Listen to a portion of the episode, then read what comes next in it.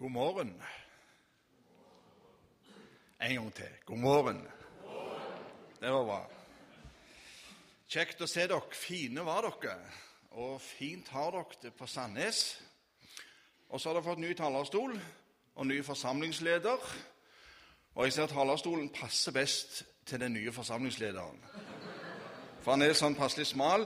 Jeg er sånn at jeg viser litt på begge sider når jeg står midt på. Men eh, det er litt forskjell på oss. Jeg kjenner jo Svein Anton godt fra mange år i Salem, så dere har vært heldige. Jeg kunne godt tenkt meg å ha hatt han fortsatt i Salem.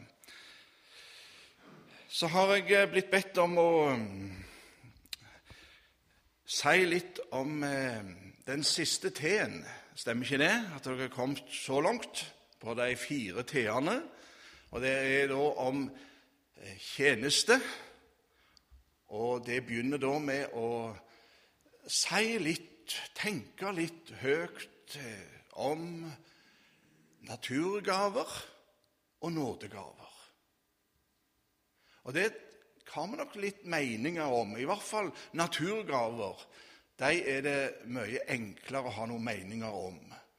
Nådegaver det er sånn når du leser i Bibelen at Guds ånd svevde, så har det deretter som regel alltid vært litt svevende over dette med ånden. En eh, får ikke riktig tak på det der. Men ånden er en person og òg en kraft. Og eh, der som det står Ånden, kan du òg sette inn Guds ord. Så det er en nøye sammenheng mellom Guds ord og Guds ånd. Men før vi går videre, så skal vi be om Herrens velsignelse. Herre, du kjenner oss, du kjenner meg, du kjenner mine tanker om dette. Herre, jeg ber om å få si noe fra deg, noe som du velsigner. Du vet om de som er kommet, Herre, den enkeltes hverdag, tanker, livssituasjon. Herre, møt oss som du så ofte har gjort. Du møtte den enkelte. Du kjente den enkelte, og du ga den enkelte det den trengte. Vi ber om det i ditt navn. Amen.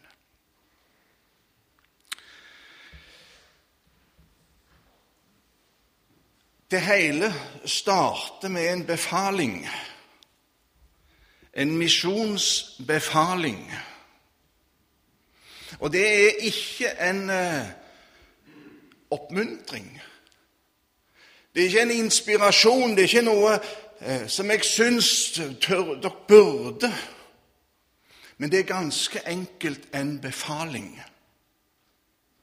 Og det er det eneste Jesus har bedt oss om. Han hadde mange ønsker og han ba sine ønsker for sine disipler. Men han hadde én befaling, ett oppdrag. Og det var å bringe Guds rike ut til hele verden. Gjøre en disippeløvende gjerning på alle folk for at alle må bli frelst. Gud vil at alle mennesker skal bli frelst. Det er et liv som skal leves.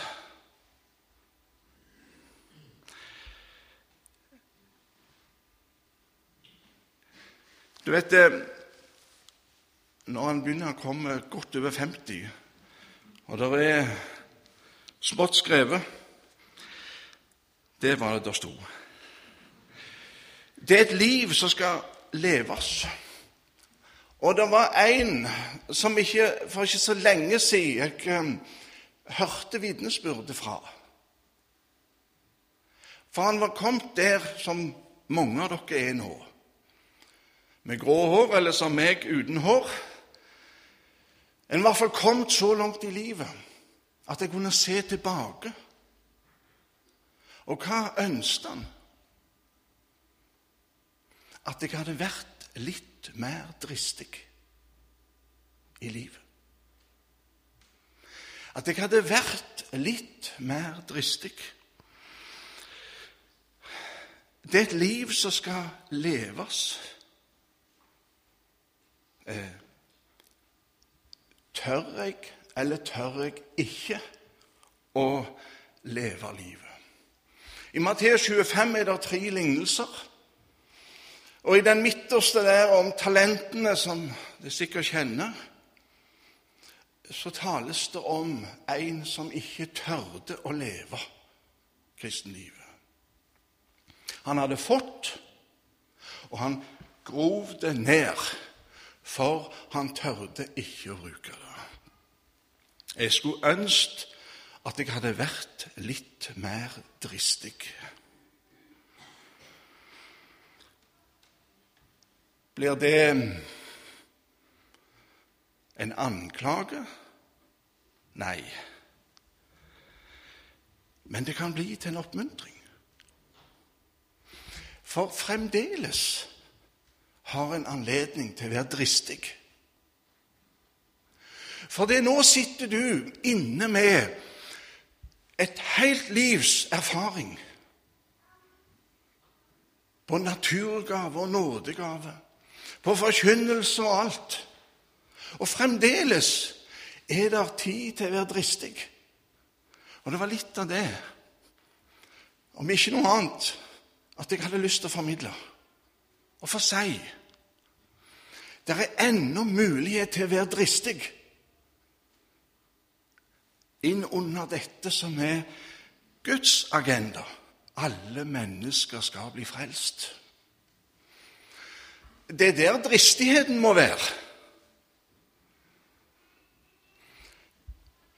Og det er kanskje noe som må forandres i mitt liv, i forsamlingen, i hele kristentenkingen. Ja.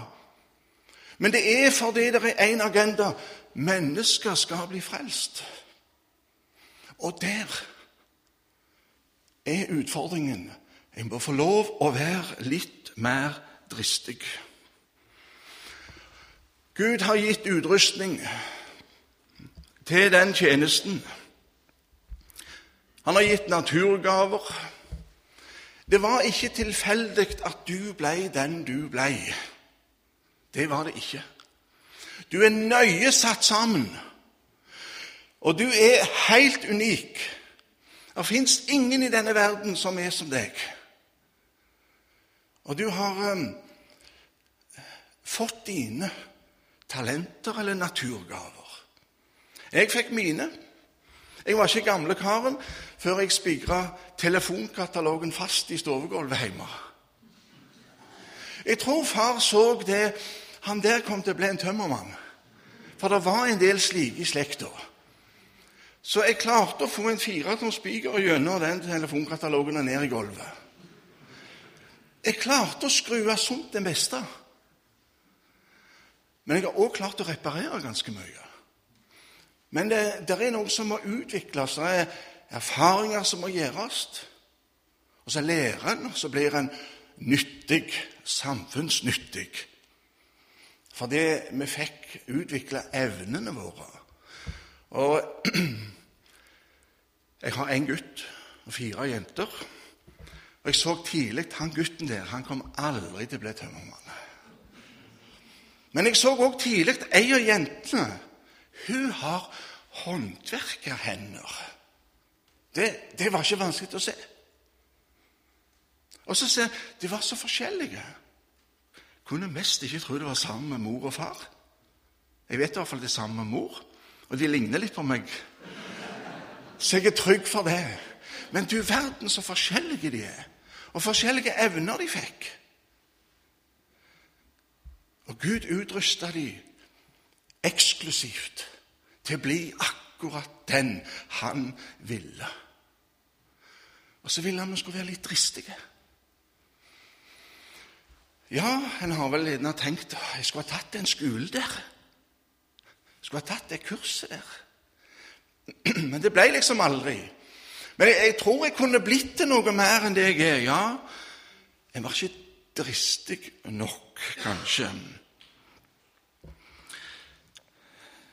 Det der å være frimodig, det er å rett og slett være litt ufornuftig.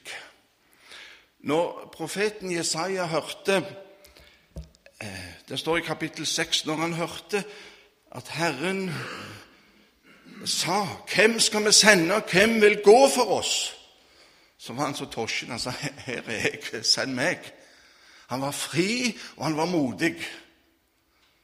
Jeg har mest var litt dum.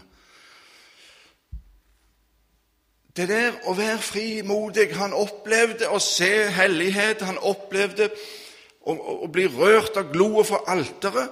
Og din synd og din misgjerning er tatt bort, og han ble fri. Og han ble modig. Gud har noe han vil ha gjort. Her er jeg. Send meg.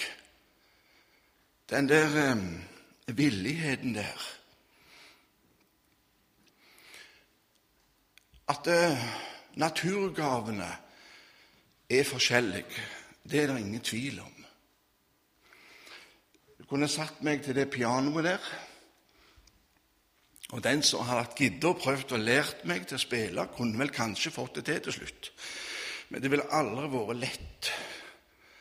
Det ville vært tungt. Og så har du noen andre som setter seg ned, og så Du kan mest gi dem hva slags instrument som helst, så bare spiller de. Så, så det vet vi, det er forskjell på dette. Og så tar vi den tankegangen der med oss når vi tenker på nådegavene. Ja, da eh, kikker jeg litt på den lista. Nei. Nei. Nei, slettes ikke den. Og ikke den.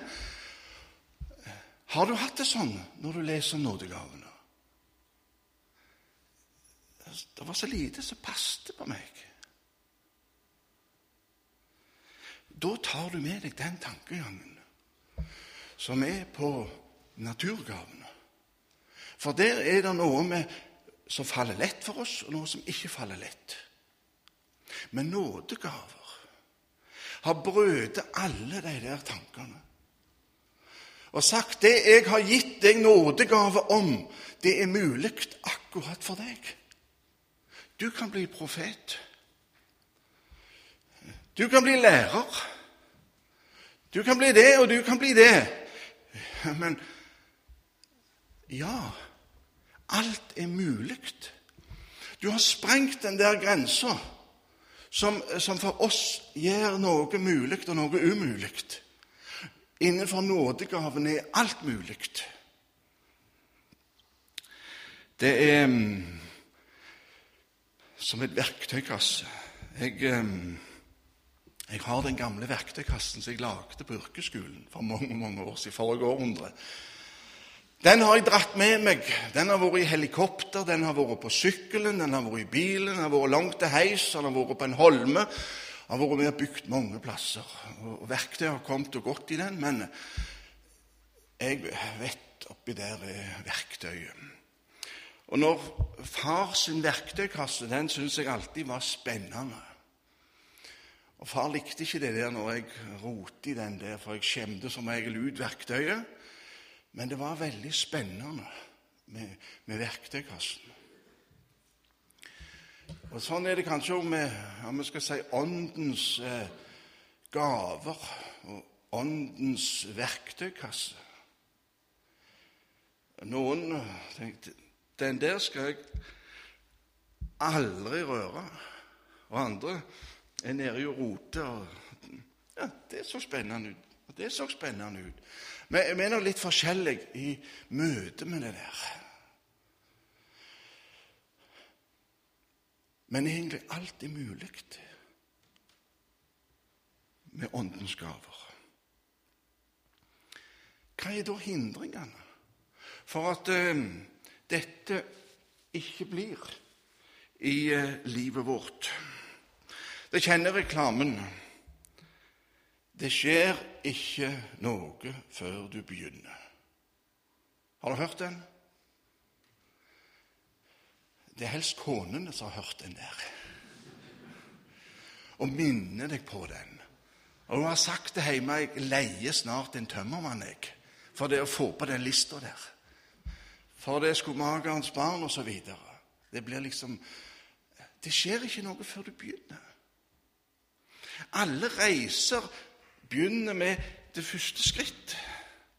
En kan få hjem brosjyrer og flott og Der kunne jeg ha tenkt meg å være. Det skal vi ha gjort en gang. Jeg lovte han eldste gutten min en gang skal meg og det gå på Hardangervidda og gå over der. Det har aldri blitt. For vi, vi tok aldri det der første skrittet. Det skjer ikke noe før du begynner. Og det en ikke har begynt på, det har en heller aldri gjort. Og som den svenske filosofen sa, inte visste jeg at dager som kommer og dager som går, var sjølve livet. Ok? Er det der vi lever? Dager kommer, dager går. Det skal vel bli en gang. Jeg skulle ønske jeg hadde vært litt mer dristig. Men nå minker det på anledningene. Hva var det jeg skulle være dristig i forhold til? Jo, at andre mennesker skulle bli frelst. Det var Guds agenda. Vi ønsker frivillige. Men det er et ord som mest er helt likt. Vi ønsker villige. Og der er det en stor forskjell. For når du er frivillig, da har du en syvende sans som du noterer i og planlegger sjøl, og så vil jeg gjerne ha Gud på sida og Gud bak meg. Men det der å ha Gud foran meg, det er litt for skremmende. For da har jeg bare lyst til å være frivillig.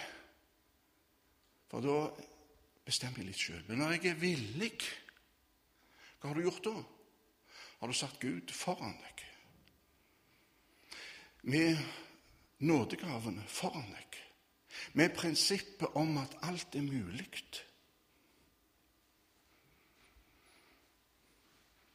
Da har han begitt seg. Da har han skrevet en fullmakt, blanko fullmakt. Herre, bruk meg. Jeg er villig. Det er noe helt annet enn å være frivillig. Vi lever helst som frivillige, og det å være villig. Da kjenner du deg igjen når Paulus sier om jeg bare kan fullføre. For det jeg har satt i gang med noe som jeg er så redd for jeg ikke klarer å komme til endes på.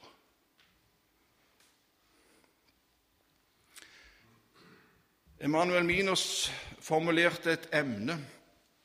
Han skrev det slik mens vi venter på Gud, venter Gud på oss. En, eh, en veldig spissformulering. Det å vente på Gud det er bibelsk. Det er de ferdiglagte gjerninger. Den som tror, haster ikke. Det er å ikke gjøre noe annet enn det Gud har bedt dem om. Og da, Du finner mye dekning for det å vente på Gud. Og Gud har god tid. Han kunne ha Moses gående 40 år før han brukte han. Men eh, det står òg at Gud venter på oss. For han har sagt er det noen Guds øye farer over hele jorden for å se om det er noen hvis hjertet er helt med Han, for å kraftig å styrke deg. Han ser etter noen villige. Det er det Gud ser etter. Gud venter på oss, og vi venter på Gud. Og Det går faktisk an å ha en sånn en holdeplass der midt imellom. Mens dager går, tida går, anledningene går. Og til slutt jeg skulle ønske jeg var litt mer dristig. For jeg parkerte der. Jeg venta på Gud, og Gud venta på meg. Hvor kommer en videre på det. Det er en belønning. Du skal ikke engang ha gitt et glass vann uten at det skal være en belønning. Du kan ikke ta noe med deg. fra denne jord. Nagen kom du her til, og nagen skal du fare herfra. Men du kan sende noe i forveien av det du gjør, og bruke dine betrodde evner og midler og tid til på denne jord. Du kan sende noe i forveien som skal ha evighetsbetydning. Og I Guds rike er det slik at det er ved å gi at du får. Men for å ha noe å gi må du òg ha fått noe. Problemet er bare når jeg alltid ser på det jeg har fått, som for lite, og som ikke er gagn i. Du vet, eh, de som sto der med brød og fisk Jesus, kunne du ikke gjort litt mer? Du ser vel det her nytter ikke? Jeg har sagt gå. Det sto en Peter på, på båtripa, og Jesus hadde sagt Kom. Ett ord. Maktens ord. Men det var like vått. Han blåste like mye.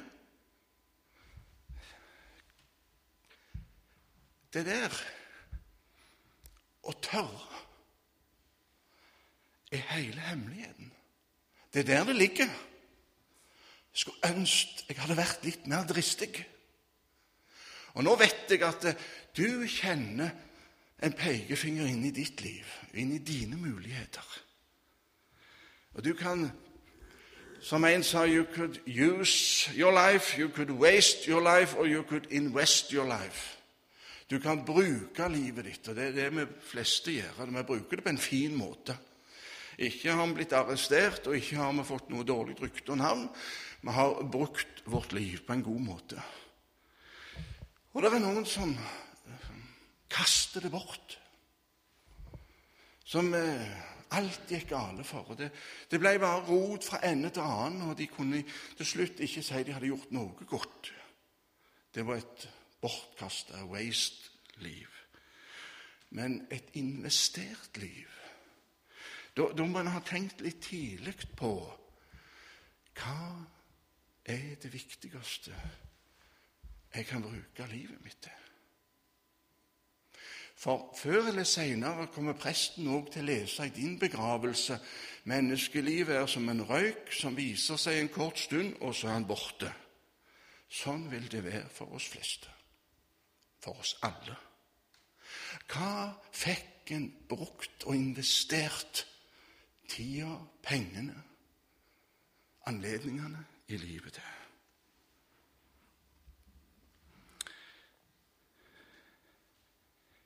Det er praktiske erfaringer i dette. Jeg har gjort en del. Jeg skal ikke prøve å si 'stakkar' så mye om meg sjøl, men det er hva Gud kan gjøre med et menneske som gir han lov, det er så grensesprengende. Vi har hele historien full av sånne. Du har noen sånne veldig store Martin Luther, du har Hans Nilsen Hauge osv. Hva Gud kunne få gjøre gjennom et menneske som ga han lov. Der ligger det. I eh, profeten Esekiel skal dere få den opp på veggen. Der eh, har profeten vår sett i det nye tempelet.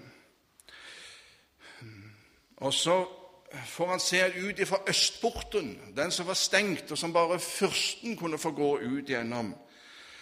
Der så førte han meg tilbake til husets inngang, og se, det kom vann ut under husets dørterskel mot øst for forsiden av huset vendte mot øst, og vannet rant ned fra høyre siden av huset sør for alteret.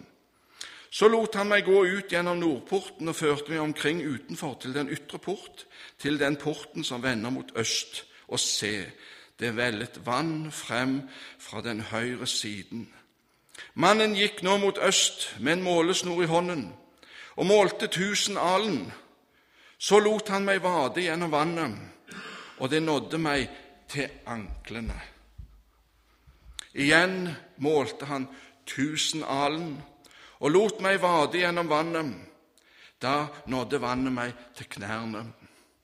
Igjen målte han tusenalen og lot meg vade gjennom vann som nådde til hoftene. Så målte han igjen tusenalen. Da var det en elv som jeg ikke kunne vade gjennom, for vannet var så høyt at en måtte svømme der. Det var en elv som ikke lot seg vade. Og han sa til meg, Har du sett det, menneskesønn?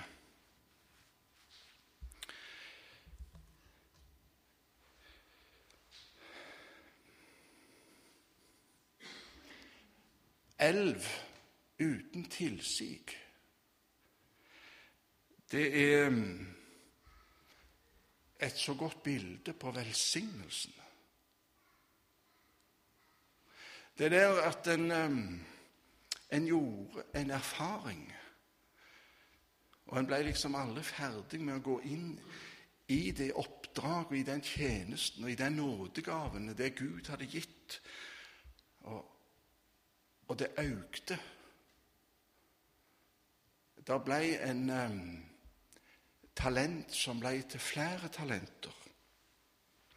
Det er en velsignelsens flod som øker uten tilsig. Det har, som en òg snakket om, noe om your top gift, altså din en nådegave som er deg gitt. Du kan ha flere nådegaver, men det er òg en nådegave som gir deg påfyll når du bruker den. Du får mer når du bruker den. Og Det er mange ganger at en blir plassert tilbake på om vi skal si startpunktet igjen, når en har vært i en tjeneste, og så blir en på en måte satt tilbake igjen på en helt ny start. Og Da bruker en det en har erfart fra før. For å være litt personlig Jeg, ehm, jeg ble en kristen 14 eh, dager før året gikk ut i 1978. Det er lenge siden. Jeg begynte å reise som forkynner halvannet år etterpå. Det var jo litt dristig av de som spurte. Og når eh, det har kommet flere sånne spørsmål og flere utfordringer etter hvert Og vi som begynte da å reise, vi tenkte at ja, dette kommer til å gå i 14 dager. Så vil, all, da vil alt være slutt. Det kan aldri gå. Har gått mange år. Og når spørsmålet kom om å få en tjeneste i Salem som forsamlingsleder har ingen forutsetninger for å være og gjøre noe slikt. Men velsignelsen, folk, den skal du ikke kimse av. For det er en nådegave. Det har ingenting med hva jeg kan kalkulere og regne på. Det er noe helt annet. Og slik er Guds rike. Det står i 1. Eh, Korinterbrev 12 dere er Kristi legeme, og hver for seg hans lemmer. Å være Kristi legeme. Og hver for oss er vi hans lemmer. Du er et individ samtidig som du er et medlem på dette. Det er mm, flere sånne bilder. Og Der er dette bildet med levende steiner. Hjemme på Jørpeland, der jeg er fra, så pustet vi opp bedehuset for noen år siden. Og Så ble det murt to forskjellige murer framme. Den ene ble murt med naturstein, og den andre ble murt med skifer. Og En dag jeg satt på møte der, så, så talte den muren til meg. For det er den der muren av naturstein Den hadde ingen brukt hammer eller slegge på. De var akkurat sånn de var når en fant dem. Men de var satt inn i en helhet som var fantastisk flott. Og jeg hadde ikke fått det der til, for jeg må ha vinkel og vadder. Og det der er kunst å få til. Og Jeg var med på det når den jobben ble gjort, og jeg hørte på de der som murte. Og de hadde ei røys med stein. Alle vært så mye stein på det bedehuset noen gang før som det var da. Og de gikk og drog og flytta på de steinene, og det så ut som de aldri ville bli ferdige. Og så holdt de på med, på, på topplinja. De skulle få, for alle så at det gikk litt sånn bortover. Og så skulle de finne noe som skulle få den linja til å bli bein på toppen. Og de flytta, og de snudde, og de vendte. Helt til det var en av de som kom med en liten, unnselig stein og la den på. Hva stemmer det? Hva stemmer det? Den var det. Den skulle være der. Og Så har du den andre muren på andre sida. Det er skifer. Hvis ikke den steinen passet der, var det med meiselen eller vinkelsliperen Der nå står han fint. Fugene ble fine. Det ble en helt annen mur. Levende steiner. Satt inn med naturgave og nådegave. Akkurat den jeg er. Uten å bli hogd til eller forma til et eller annet mønster. Jeg fikk være og tjene sånn som jeg var, og jeg passet inn som medlem i dette legemet. Et, et fantastisk bilde. Og slik ser Gud på dem. Det er levende. Det er individuelle steiner. Med syndig natur, med egenvilje, har mest lyst til bare å være frivillig og ikke villig. Alt dette her og det at det er levende steiner, det vet i hvert fall vi som driver med forsamlingsbygging, hvor vanskelig det er. Åh, kunne vi bare hatt noen A4 som kunne plassert litt på? Men det, det er alle slags behov og mennesker og dette. Men det er fantastisk å se noen få blomstre med naturgave og nådegave. I Efeserbrevet kapittel 4 så, så står det noen av de store nådegavene, de fem, som eh, skulle være der for at de hellige kunne bli gjort i stand til tjenestegjerning. Det var derfor jeg skulle være der. Det er derfor Svein Anton er her, og jeg er i Salem. For det må ha ledere. For at de hellige kunne bli gjort i stand til tjenestegjerning. Du er en leder, du er et forbilde, uansett hvordan du ser på deg sjøl. Og når Paulus har en, en siste hilsen, andre brevet til Timotius, så skriver han Derfor minner jeg deg om at du igjen opptenner den Guds nådegave som er i deg, ved min håndspåleggelse. For Gud gav oss ikke motløshetsånd, men krafts- og kjærlighets- og sindighetsånd. Skam deg derfor ikke ved Vår Herres vitnesbyrd, eller ved meg, Hans fange, men lid ondt sammen med meg for evangeliet i Guds kraft han er den som har frelst oss og kalt oss med et hellig kall. Han gjorde det ikke etter våre gjerninger, men etter sin egen rådslutning og nåde, den som han ga oss i Kristus Jesus for evighet av. Nå er denne nåde blitt åpenbart ved vår Frelser Jesu Kristi åpenbaring. Han har tilintetgjort døden og ført liv og uforgjengelighet fram i lyset ved evangelium og ved det er jeg satt til forkynner og apostel og lærer for hedninger. Derfor er det også jeg lider dette, men jeg skammer meg ikke ved dem, for jeg vet hvem jeg tror på, og jeg er viss på at Han er mektig til å bevare den skatt som er betrodd meg til dagen kommer. Ha som forbilde de sunne ord du har hørt av meg, i tro og kjærlighet i Kristus Jesus. Ta vare på den fagre skatt som er betrodd deg ved Den hellige ånd som bor i oss. Der